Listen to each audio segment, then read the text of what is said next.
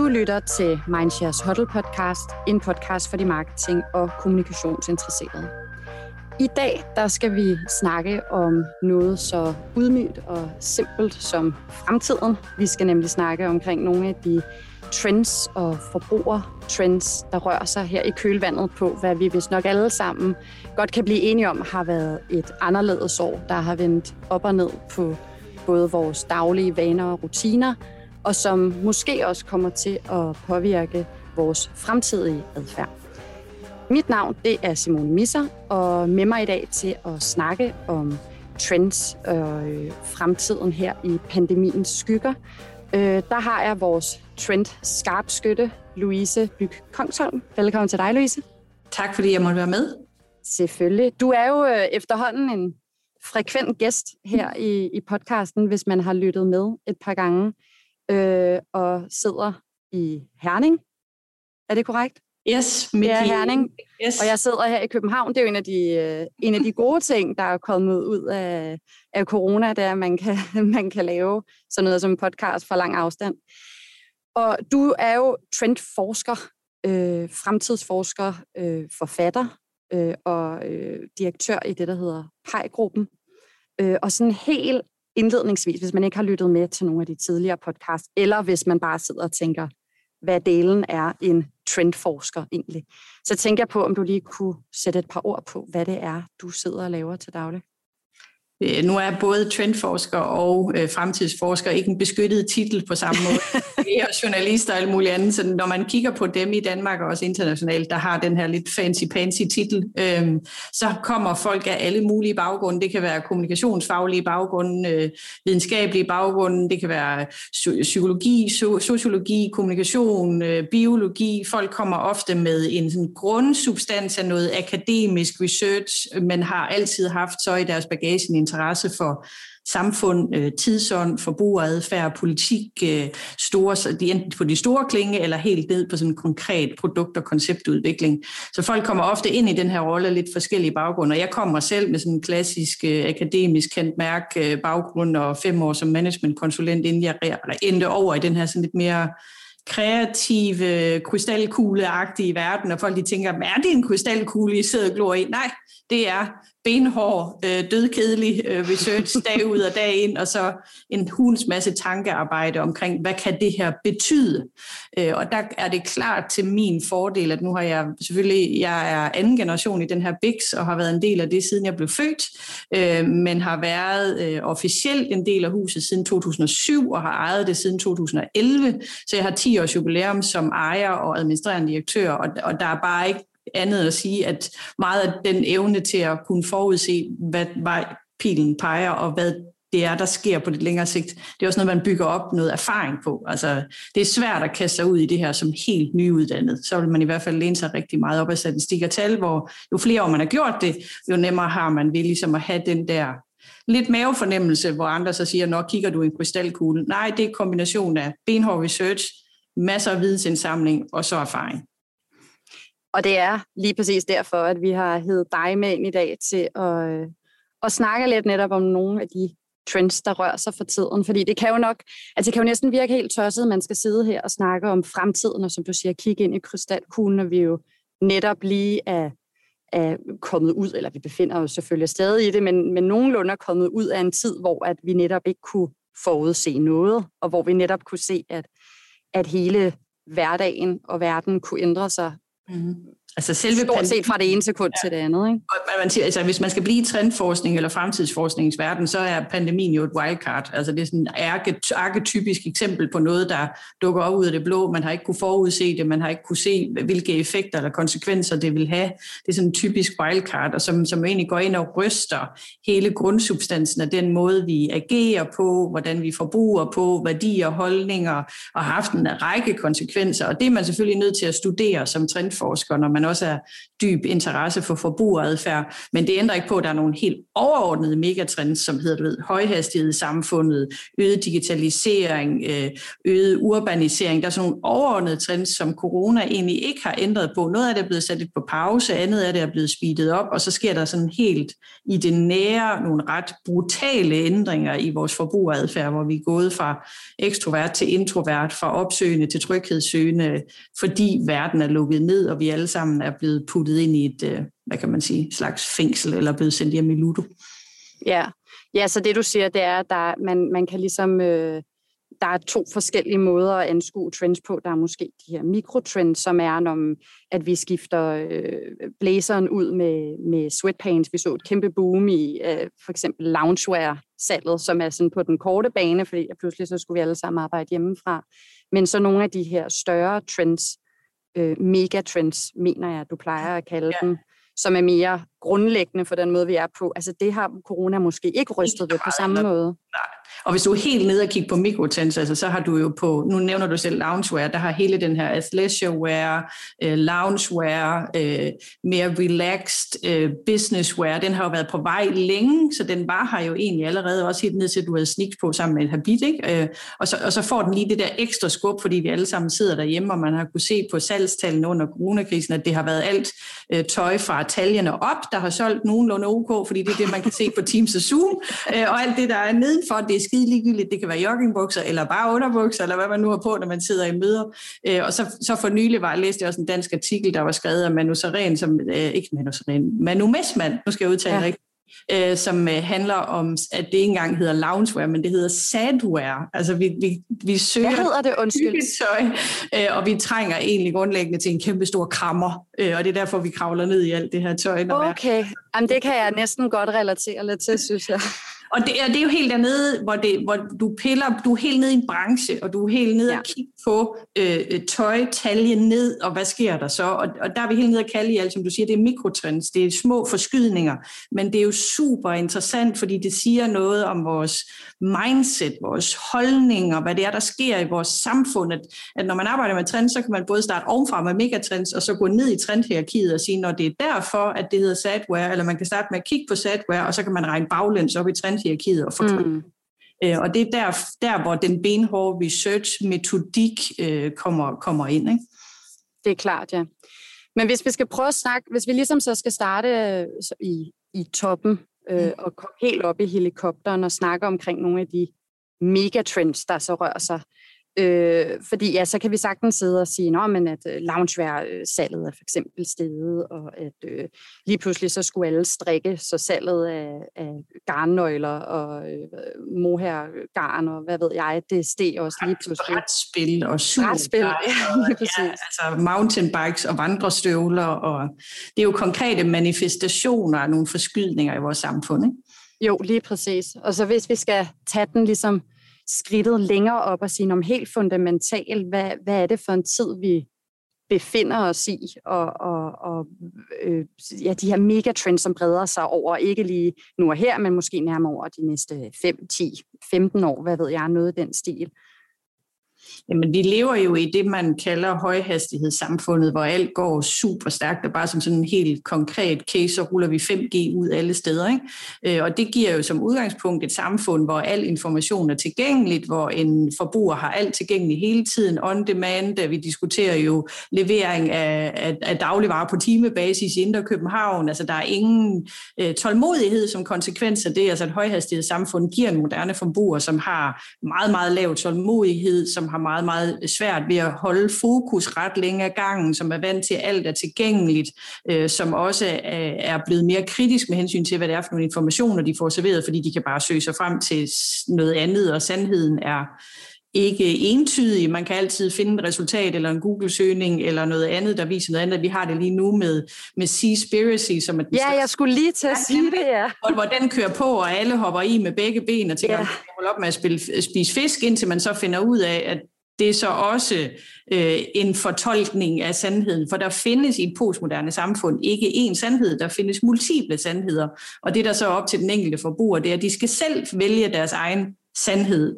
Du kan også putte den over på kurer, øh, fornem, forståelse af, hvad der er sundt, hvad der ikke er sundt, øh, Øh, forskellige former for gluten og histamin og laktoseintolerance. Alt er jo op til individuel fortolkning, og det ligger et ret stort pres på den enkelte til at skulle orientere sig og sætte sig ind i alting, og derefter vælge sin egen sandhed. Og det betyder så højhastighed, 5G, masser af information, alt er op til individuel fortolkning, så får vi sådan en hjerne, der er ved at crash fuldstændig, fordi det kan godt være verdenssamfundets bredbånd, er gået i 5G, men det er vores mentale kapacitet, altså ikke, den er ikke blevet udvidet til en 5G-version. Så det ligger et kæmpestort pres på en moderne forbruger. Enten så hopper man med på det der højhastighed samfund, og så taler vi om hamsterhjul-livet, man forsøger at få det hele til at fungere, eller så laver man det totalt modsatte og siger, I kan rende mig, jeg sletter alle apps på min telefon, jeg lever off-key, off, uh, off-world og klarer mig selv og, og, og nøjes med det, jeg nu har i mit nære. Ikke?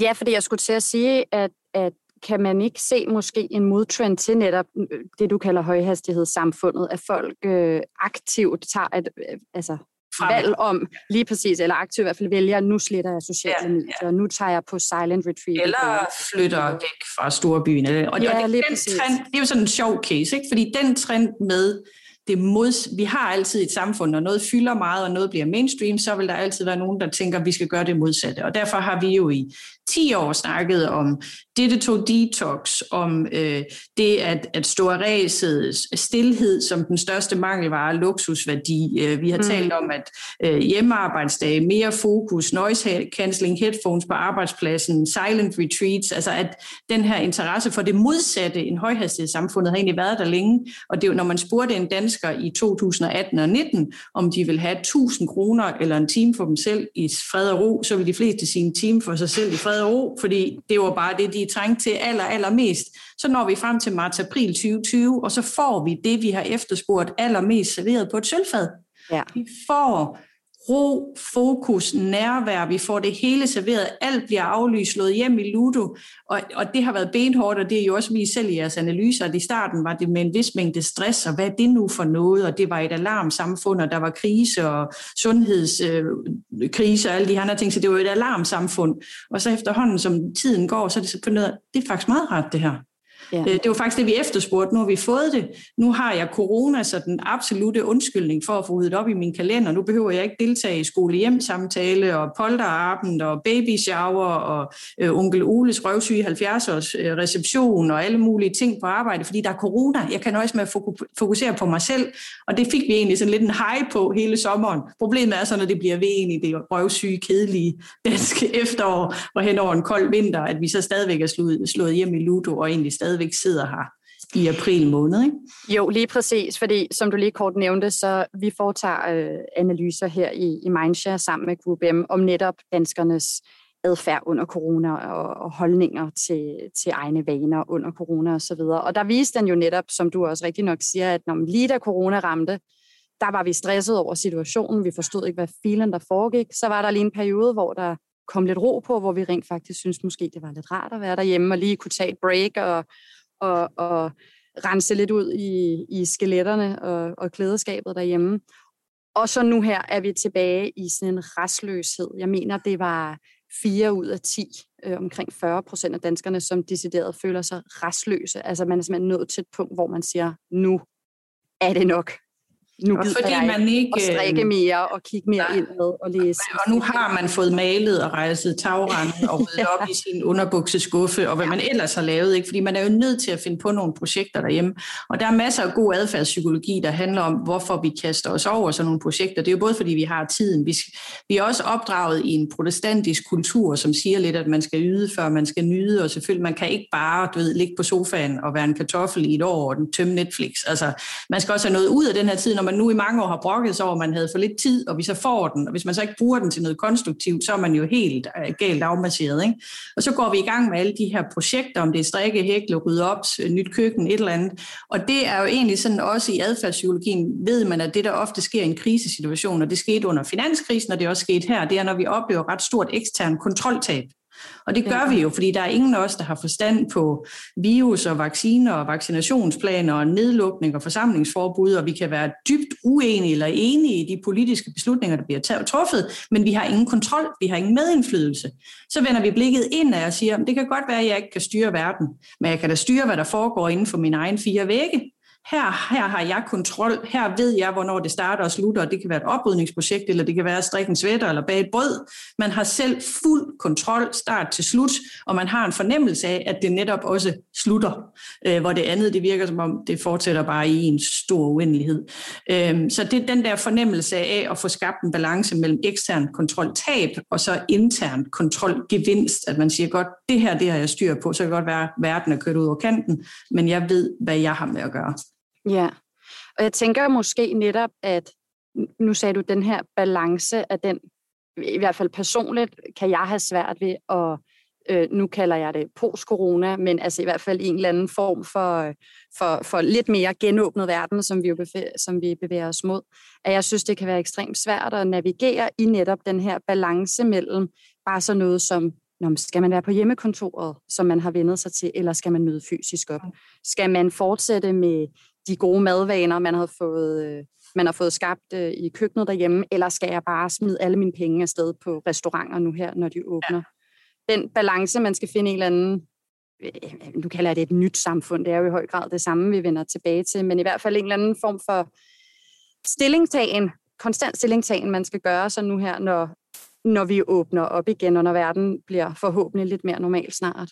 Og jeg tror, at det, vi, at det, at vi har oplevet nu at blive presset helt ud i ekstremerne, ikke? altså vidderligt slået hjem i Ludo, der har vi jo mm-hmm. oplevet, hvad det har både positive og negative konsekvenser. Jeg, så jeg tror, der bliver sådan en helt Øh, både ubevidst og bevidst søgen efter det ord, du også siger her, balance. Jamen altså, jeg skal se nogle mennesker, men jeg forstår også værdien af at gå en tur alene i skoven nu. Ikke? Altså, at man, man får skabt en balance, arbejde hjemme, arbejde på kontoret, deltage i konferencer, deltage, øh, for digital undervisning. Altså, der bliver en større respekt for fordele og ulemper, men vi skulle helt derud, og så kan vi få en lang snak om behovet for at en gang imellem at blive presset ud af sin comfort zone og finde ud af, at det faktisk ikke er så farligt, og vi kan lære noget. Og de første fem måneder var der frygteligt, fordi vi alle sammen skulle omstilles og være filen af det der Zoom og Teams, og, så vi ligesom fandt ud af, at det var faktisk skidesmart, ikke? At vi, ja. vi har lige skulle presses.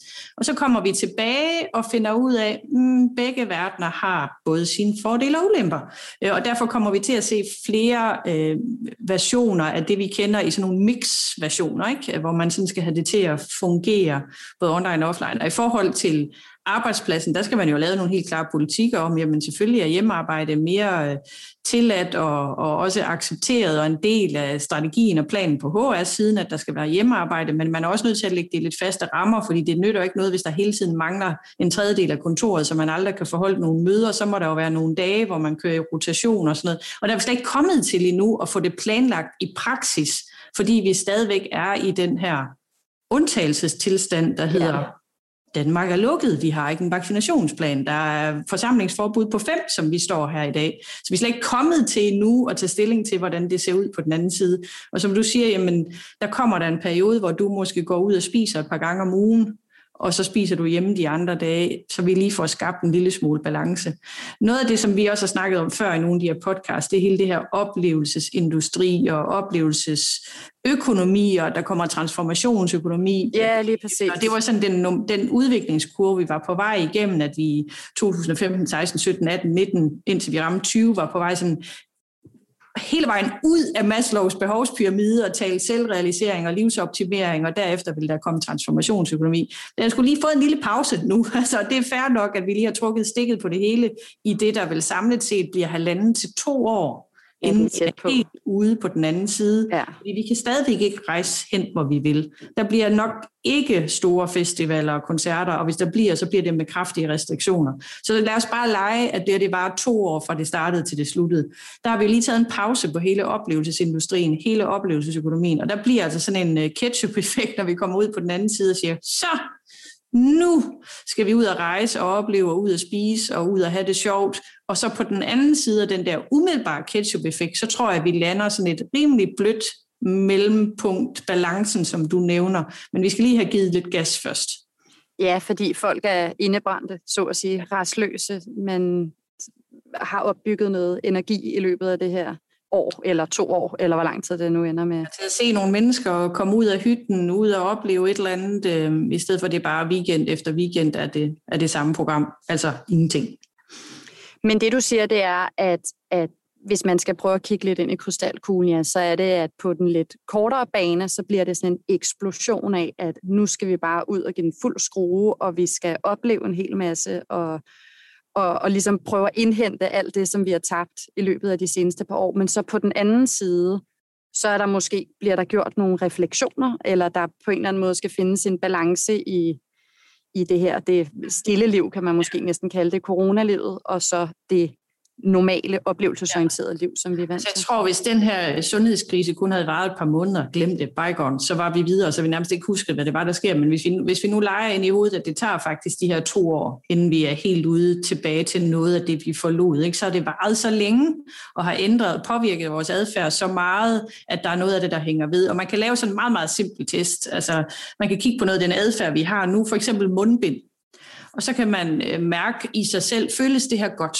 Er det dejligt? Er det noget, der tilbringer, giver mig værdi i tilværelsen? Er det noget, der øger øh, fornøjelsen i tilværelsen? Nej, det er Nej. det. Ja. Så snart det er muligt at smide mundbindet, så smider vi det. Omvendt, så kan man sige, mm, øget nethandel, måltidskasser, ting leveret på adressen, hjemmearbejde, deltage i undervisning, høre podcast, er det noget, der rent faktisk tilfører mit privatliv, erhvervsliv noget værdi og gøre det mere spændende og interessant? Ja, Nå, men så er det nok noget af det, der bliver hængende. Det er den helt simple test, at når man kigger på noget af den adfærd, vi har nu, er det positivt? Har det bibringet noget? Så bliver det ved med at være her bagefter.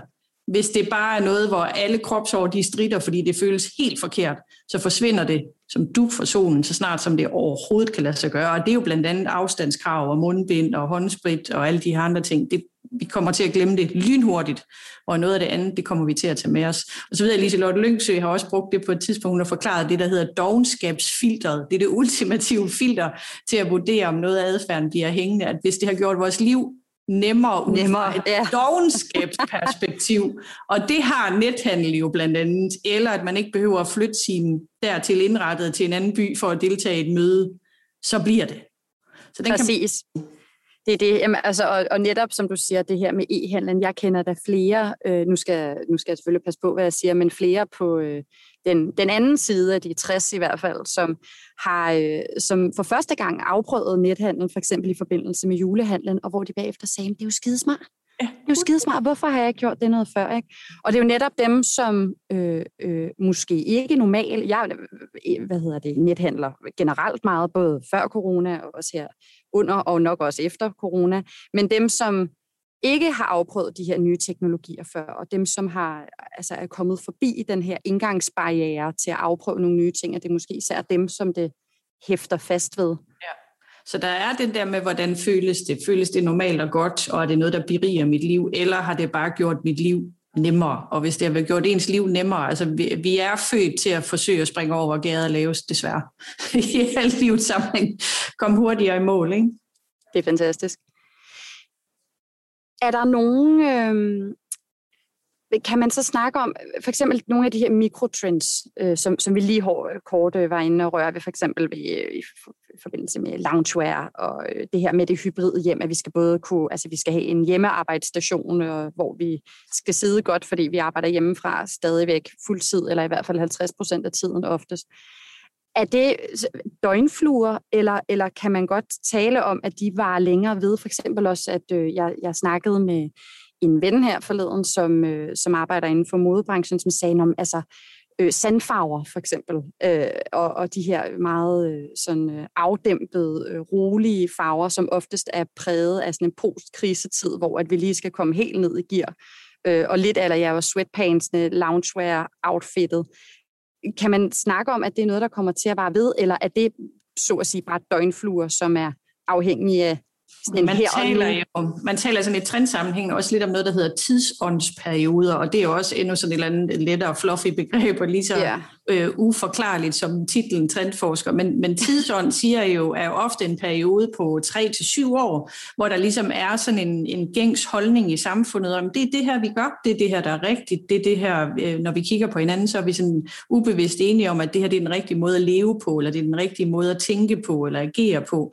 Og det er klart, sådan en periode her fra marts 2020 og frem efter, vil også have sådan en efterslæb i en lang tidsåndsperiode, hvor det hedder, jamen, mere slow, og man taler også i modebranchen om slow fashion og lidt mere yeah. seasonless, altså at man har lidt mere respekt for, at, at det behøver ikke skifte så hurtigt, og vi har en hel modebranche, der er brændt ind med deres kollektioner her de sidste par sæsoner, og for, forhåbentlig har en stor del af deres kollektioner, som er det, de vil kalde basic, altså i farve, stil og retning, som de så kan gensætte sæsonerne efter. Så mm. der er sådan helt, altså den der slow down, vi har haft helt konkret i vores private liv, med ingen arrangementer, ingen fester, ingen aktiviteter, den har også afsmittende effekt alle mulige andre steder. Det hele det bliver sådan lige lidt mere dæmpet i en periode, og så kommer modreaktionen jo så på et tidspunkt, hvor det så ikke kan blive farverigt ja, og blomstret nok, ikke? fordi så skal der være fest, ikke? Ja, lige præcis, fordi det er jo netop den her, øh, altså der er jo altid er en modtrend til en trend. Der er, er altid der. to poler, mm. som trækker i hver sin retning. Og der, og der var nogle sjove observationer her undervejs, hvor folk de er gået fuldstændig amok i alt det her strikke hækling, at, at, at den så også flytter over i modebranchen, og de enkelte folk, der sidder og strikker derhjemme, at de så har det her samspil med, hvem der kan finde på den fedeste nye sweater, eller, eller, eller den nye elefanthue til kvinder strikket derhjemme. Ikke? Altså man sidder og tænker, hvor kom den lige frem? Det er jo sådan noget, vi vil kigge tilbage. Det er altid nemmest at beskrive en tidsånd eller en periode, når man kigger tilbage på den. Fordi hvis vi kigger på finanskrisen, så er det sådan meget tydeligt, at før finanskrisen ramte i 2008, der var tidens helt. Det var boligspekulanten og aktieinvestoren og ham med den store bil og det store Rolex, fordi han havde virkelig forstået at udnytte markedet og tidsånden. Så rammer finanskrisen, og så bliver han lige pludselig tidens skurk, fordi det er ham, der er skyld i, at det hele det er krakket. Ikke? Og så er det bunderøven, der bliver tidens helt fordi det er ham, der flytter ud på landet, trækker sig væk fra det hele og sår sine egne afgrøder og klarer sig selv. Og det er egentlig lidt den samme, vi ser nu, ikke? at nu det er dem, der kan finde ud af at bage selv og strikke selv og hækle selv. Og det er ligesom at dem, der, der er heltene. Og så har vi fået den ekstra lille dimension, at der er noget, der hedder Instagram og Pinterest. Øh, så man skal lige ligesom vise til omverdenen. Og jeg tror måske, det er meget sigende for vores tid lige nu, lige meget om der er coronakrise eller ikke coronakrise. Det handler om selvrealisering. Det handler om mig, mig, mig, mit potentiale. Hvad kan jeg, få, hvad kan jeg nu få ud af, at jeg har fået så meget tid? Og hvad ser lækkert ud på Instagram? Og det gør en strikket sweater sjov nok. Ja, og så især også, hvis den så taler ind i altså noget, der så er lidt øh, trendy eller moderne, eller mm. lige nu og her. Ja. Ikke? Helt sikkert. Noget af det, som noget af det, som jeg synes er, er interessant, og som i hvert fald også bliver interessant at se, det er, hvordan reaktionen kommer til at være fremadrettet i forhold til livsfaser, og det er jo også noget, som jeg ved, at I arbejder med i pejgruppen, og som vi også arbejder med her i Mindshare, netop at adfærd og, og vaner er så forskellige på tværs af livsfaser, altså om man er øh, øh, en, en familie med børn, der bor i et hus, og man har en ægtefælle og et fast job, eller man er helt ung gymnasieelev, der har været hjemsendt nu et år og gået glip af stort set hele sit gymnasieliv, eller man er øh, en, en ældre herre på et plejehjem. Altså det er jo så forskelligt, hvordan man både har reageret til en krise som den her, tænker jeg, men også især, hvordan man kommer til at reagere efterfølgende, ja. og, og, og ja, sådan, hvilke behov man har i kølvandet på coronakrisen, enten i at komme i gang igen, og som du siger, ud og opleve en hel masse, eller man måske har lært, det var sgu meget rart at være hjemme med børnene, ja. eller kunne få noget kvalitetstid med partneren, øh, som, som de helt unge måske ikke har, som bare gerne vil ud og, og fyre den maks af og, og indhente alt det tabte. Det er sjovt, nu nævner du den jo selv, nu er det selv, der har bragt den på banen, ikke? men øh, hvad hedder det, livsfasebogen, og det er bare sådan en personlig reference til jer alle sammen, der lytter med her. Øh, vi brugte et år på at, at skrive og redigere og opsætte, og havde to grafikere og en tegner på at udkomme med livsfasebogen den 10. marts 2020. Og ja, det var tale om, tale om dårlig timing, så, det, så var det ultimativt dårlig timing. Det var to dage før Danmark lukkede ned. Øh, men, men der udgav vi den her bog omkring livsfaser, de 17 livsfaser, og du har selv skrevet en, en, en, en artikel der i, som ligesom mm. belyser, hvor, hvor god den her model er. Øh, og når jeg efterfølgende har skulle forklare den til folk, udover at jeg kan bruge det klasse eksempel med, at hvis man siger, at ens målgruppe er en kvinde på 28, så er jeg fræk og spørger, er hun single, er hun i parforhold, øh, har hun, er hun gravid, har hun første barn, anden barn, tredje barn, er de gift, at hun allerede blevet skilt igen. Altså hendes alder ser ikke en disse om hendes forbrug af tid og penge. Men så har jeg faktisk også efterfølgende her i år netop brugt corona i lys af livsfaser og sige, at vi har oplevet det her meget, meget forskelligt. Øh, hvis du tager sådan et eksempel, øh, altså det er program, der hedder Hjælp, vi skal have trillinger, der var nogle af de sidste optagelser, der har man det her par, der har øh, et barn på tre eller fire, og så får de trillinger, og så bliver de hjemsendt og skal arbejde hjemme i en lille lejlighed i København med fire rollinger og bo oven på hinanden, og det er de der fire børn, der styrer agendaen fra 6 morgen til 20, 2, 21 om aftenen, og så kl. 21 om aftenen, så må de så sætte sig i sofaen og prøve at se, om de kunne presse 6-7 timers arbejde ind også. Ikke? Øh, det er jo en måde at opleve coronaen på. Så har du skoleeleverne, som on-off har haft forskellige oplevelser, efterskoleelever, højskoleelever, som jo bliver hårdt mærket af det her. Man taler om en ungdom, der har mistet alle de bedste år. Alle vi andre, der er lidt ældre, ved godt, der kommer en sommer mere. Men hvis man lige er blevet student eller et eller andet, ikke? Altså, det har været forfærdeligt at, være fanget i.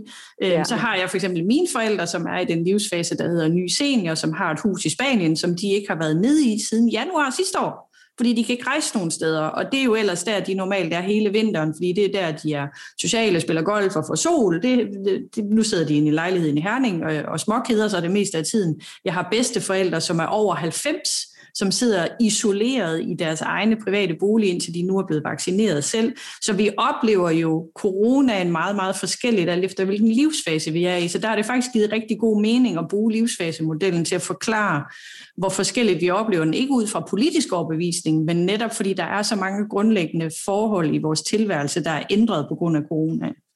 Ja, og vi snakkede faktisk også, inden vi, øh, inden vi lige startede optagelsen her, der snakkede vi jo også netop omkring en af de udfordringer, der især har ramt de unge, og det er også noget af det, som vi også har kunne se i nogle af vores analyser her i Mindshare, det er den restløshed, som jeg også talte om tidligere, og ensomhed, som også er en af de ting, vi har spurgt ind til i vores undersøgelse, den bonger især hårdt ud på de unge, og det er jo klart, fordi man også har et benchmark, så at sige, der er anderledes. Man er vant til at være ude med sine venner hele tiden, og man er vant til at skulle realisere sig selv via sin sociale omgangskreds og fester og, og hvad der ellers er. meget alene, og som vi lige snakkede om, kæmpe stor udfordring med, med rekruttering og onboarding og det første job og være en del ja. af et team og performe på en arbejdsplads, når man ikke har nogen fornemmelse af, hvem filen ens kolleger er, og hvad det er for en virksomhed, man overhovedet er i.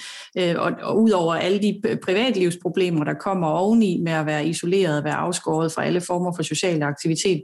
Så, så livsfasebogen er jo, er jo god både i altså forbrugerforståelse, det er jo det, den oprindelige er tænkt som.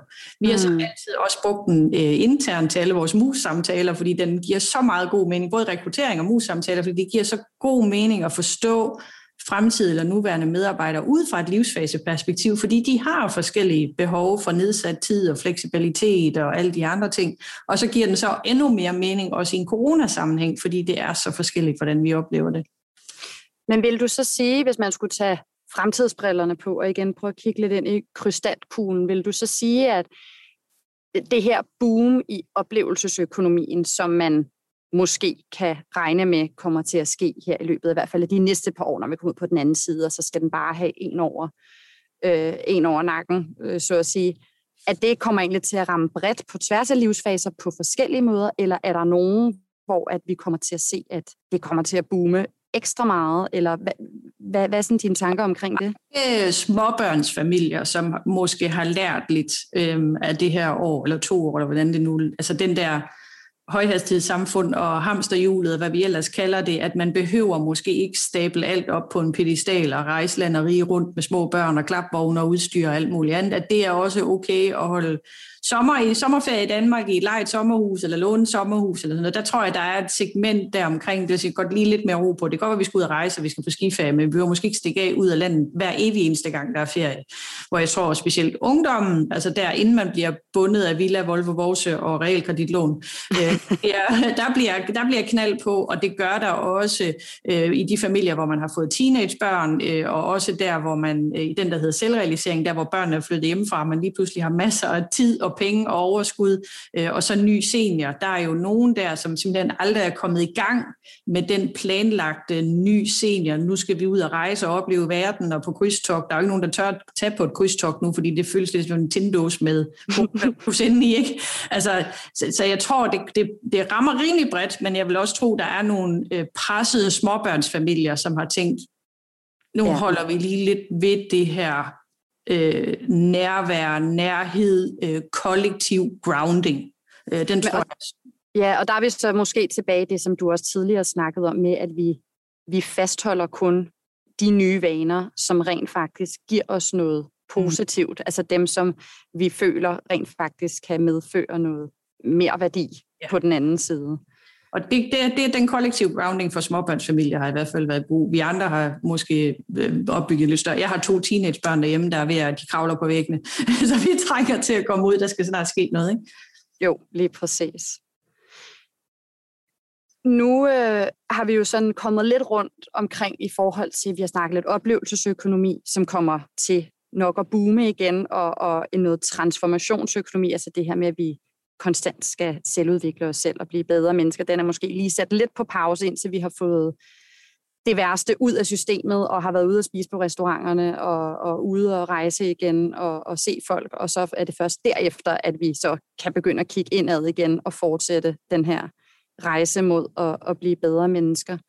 Og så at det her højhastighedssamfund, som jo altså i, i særdeleshed var blevet sat på pause, fordi at vi bogstaveligt talt nærmest blev, blev, blev låst fast derhjemme bag husets fire vægge, at den kommer i gang igen, men at vi så også bagefter kommer til at reflektere over, om er det nødvendigt at være på 24-7? Er det nødvendigt at konstant jeg prøver at søge den her 5G-mindset ind i vores egne hjerner, som vi jo reelt ikke kan leve op til? Der var også i jeres egen analyse, som, som du lige delte ind, at 8 ud af 10 danskere har fået nye vaner, som de gerne vil holde fast i. Og jeg tror, ja. det er højt sat, altså, fordi der er mange, der tænker, at jeg er blevet glad for at gå i haven, eller vandreture, eller cykle, eller sådan noget. Øh, og det, det er man jo blandt andet kastet sig over, fordi man havde tiden, og fordi man gerne ville. Men der er også en, en, et højhastighedssamfund, der venter, hvor man lige pludselig har fået kalenderen fyldt, og så kan det måske være svært for 8 ud af 10 vidderligt at holde fast i alle de her vaner. Så jeg tror, det er højt sat, så lad os bare antage, at 5 ud af 10 er i stand til at holde ved de nye vaner. Ikke? Og det kan jo være alt lige fra at blive ved med at holde ferien hjemme i Danmark i sommerferien, eller blive ved med at strikke, eller blive ved med at tage i skoven om lørdagen, eller blive ved med at øh, mest holde lidt mindre middagsselskaber derhjemme med de nære venner eller familie, eller sådan noget. Der er noget af det, vi tager med os videre, men, men vi er også nødt til at være realistiske omkring, at de helt grundlæggende lever i et øh, kommercielt øh, tænkende, kapitalistisk samfund, øh, hvor forbrug og aktiviteter er det, der spytter penge i øh, skattekassen, og som er det, der får hele samfundet til at løbe rundt. Ikke? Så, så der skal også gang i noget på den anden side. Vi kan ikke blive ved med at sidde og, og strikke cardigans i grupper. Nej, lige præcis. Og jeg tænker, jeg tænker, at det er jo netop det her, du siger med, at når øh, der er 8 ud af 10 danskere, der siger, ja, at de vil tage nye vaner med videre på den anden side af krisen, og som du siger, om reelt set er det måske kun 5 ud af 10. Altså der er, der er oftest et gap mellem den forventede adfærd og så den reelle adfærd, og jeg tænker, det må være, øh, øh, nu ser jeg en udfordring, men det må da i hvert fald være, være svært for dig og for jer som trendforsker, og netop i sådan en tid som den her, altså i en form for krisetid, eller brydningstid, eller hvad man vil kalde det, og så kunne forudse, om, hvordan verden reelt kommer til at se ud om et år, to år, fem år, når tingene kan ændre sig så hurtigt, og som du siger, når man vi ved reelt ikke, hvor mange af de her nye vaner og nye adfærdsmønstre, som vi har skabt os, hvor mange der rent faktisk kommer til at holde fast i dem helt lavpraktisk. Ja. Så der, det er så der, hvor erfaringen slår til, ja. og at vi, ja. og vi helt grundlæggende jo ved fra alle analyser, at øh, ikke kun danskere, men alle, der deltager i analyser, lyver stærkere end rende, øh, og øh, ofte giver udtryk for ønsket adfærd, og noget andet er den reelle adfærd. Øh, og det er specielt kvinder, der er rigtig slemme til at tegne sådan et idealbillede af sig selv, når de deltager i diverse undersøgelser, fordi de dyrker både motion hver dag og spiser kun økologisk. Ja, det gør vi alle sammen. Der det gør vi alle sammen. styr på ja. tilværelsen. Øh, og virkeligheden er helt klart noget andet. Så vi laver, vi har altid sådan lige det der, øh, ikke, ikke bullshit-detektor, men alligevel sådan lidt, ja ja, det er godt med dig, kammerat. Så en ting er, hvad du ønsker, øh, hvordan dit liv skal se ud, eller du tegner et ideal billede af, hvordan dit liv ser ud, eller det, man kalder feel-good answers. Altså det føles godt at svare på en bestemt måde i diverse analyser, øh, men virkelig mm er så reelt set nok noget andet. Og det ved vi godt, så vi ved godt, at vi lige skal skrue lidt ned for den der faktor. Og der taler man også i adfærdspsykologien om noget, der hedder kognitiv øh, dissonans, som er forskellen på det, man reelt tænker, man bør gøre, og så det, man reelt gør. Det er helt ned til, at man har besluttet for, at i dag skal man leve sundt, og så var der en kollega, der havde kage med på kontoret, og så røg den ligesom ikke. Altså, der hele tiden er en, ja. et ønske, og så er der virkeligheden. Øh, og derfor læser vi altid, vi læser alle de analyser, der kommer fra jer og også andre steder, men vi, vi laver altid den der, ja godt, så skruer vi lige lidt ned for det tekniske. Ja, det er klart. Så man skal tage det med et grænsalt, for eksempel, når man hvis man kigger på danskerne nu, og vi kan se, når man, at, øh, at, at der er flere, der er tilbøjelige til at handle lokalt, for eksempel, og købe, og der er kommet nyt fokus på bæredygtighed, og som du siger, det her, vi skal slow fashion, og vi skal øh, generelt sådan, vi vil gerne tage det mere stille og roligt, og, og, og skrue lidt ned for, Men, øh, for det, livets hastighed. Det er, alle andre, det er det, alle andre siger, og det er det, der passer yeah tidsånd, og det er det, man bør svare. Og ja, vi har set en opblomstring af små købmænd. Selv i den lille flække, vi bor i uden for Herning, er der nu lige pludselig kommet en bager. Øh, ja. Fordi det er der kundegrundlag til. Øh, og, og selvfølgelig giver det en opblomstring af den slags små købmænd og bager og små butikker og genbrugsbutikker og loppebutikker. Og, øh, og det er helt fint, men, men det er ikke lige med, at det alt sammen er her, når vi kommer ud på den anden side. Fordi det er det, der passer som fod i huset egentlig den tid, vi har nu. Øh, hvad der så venter ud på den anden side, hvor vi alle sammen begynder at rejse igen og skal ud i verden og bliver mere globalt orienteret, så vender bytten ofte en gang til. Ikke? Ja, helt sikkert. Og man kan sige, at det, det seneste år har jo været et, et pragteksempel på, hvordan at, øh, at, at ja, vaner kan ændre sig øh, nærmest fra den ene dag til den anden. At øh, om vi må være fem var, mennesker, eller ti mennesker. Der det. Ja. det, der er interessant, ja. det er jo, at det var noget, der blev pålagt. Ikke? Det var jo ikke jo. os selv, der aktivt valgte det her. Der var aldrig nogen af os, der havde forestillet os, det skulle være sådan, eller aktivt ville have valgt det her. Vi skulle tvinges ud i det. Det skulle gøre ondt, vi skulle ud af vores comfort zone, så lærte vi noget, så kan vi tage noget med videre. Ikke? Jo, lige præcis. Altså hver gang jeg skal have mine nøgler ud af min, øh, af min lomme, og der ligger, der ligger altid et mundbind eller to mundbind nede i ens øh, jakkelomme, som der jo gør efterhånden. Og øh, altså, jeg bliver stadig lige overrasket hver gang, og tænker stadig hver gang, det var da alligevel satan til vi endte her. Ikke? Altså. Og det er det, jeg siger, når det ikke føles normalt, så kommer vi ja. til at på det hurtigt. Hvor alt det, der føles sådan lidt mere dejligt og værdiberigende, eller har gjort vores liv nemmere, eller mere dovent, by all means, keep it coming. Ja, jeg kommer i hvert fald til at, øh, at droppe at have mundbind i, i jakkelommen øh, ja. lige så snart jeg kan, kan jeg vist roligt sige. Øh, og, og prøve at vende tilbage til mine vaner, der hedder restaurantbesøg og, øh, og cafébesøg og hvad livet ellers byder på, når man bor inde i, inde i København. Det er der mange i oplevelsesindustrien og branchen, der vil takke dig for. Ja, jamen øh, det var så lidt. Det var så lidt. Men øh, tak for det, Louise, for at, gøre mig og alle dem, der lyttede med, forhåbentlig en lille smule klogere på, hvad det er, fremtiden kommer til at bringe, eller i hvert fald øh, den fremtid, som man nu engang kan, kan mm. spå om og kan sige noget om på baggrund af både dine årlange øh, hvad hedder det, indsamlinger af informationer og tendenser og, og tidsåndsanalyser. Øh, og så bliver, det jo, så bliver det jo spændende at se, om, øh, om alle rent faktisk kommer til at bruge håndsprit også om fem år, eller om det bare er i spørgeskemaerne, at de siger det. Ja, hvor der, der var jo, vi havde jo en polioepidemi i starten af 50'erne, hvor alle danskere også lærte at vaske hænder og, og have stort fokus på hygiejne. Det glemte vi sjovt nok også efter et stykke tid. Altså, så historien er nok ret retningsvisende for, hvad det er, der kommer til at ske. Det bliver spændende, gør det. Men tak for det. Selv tak.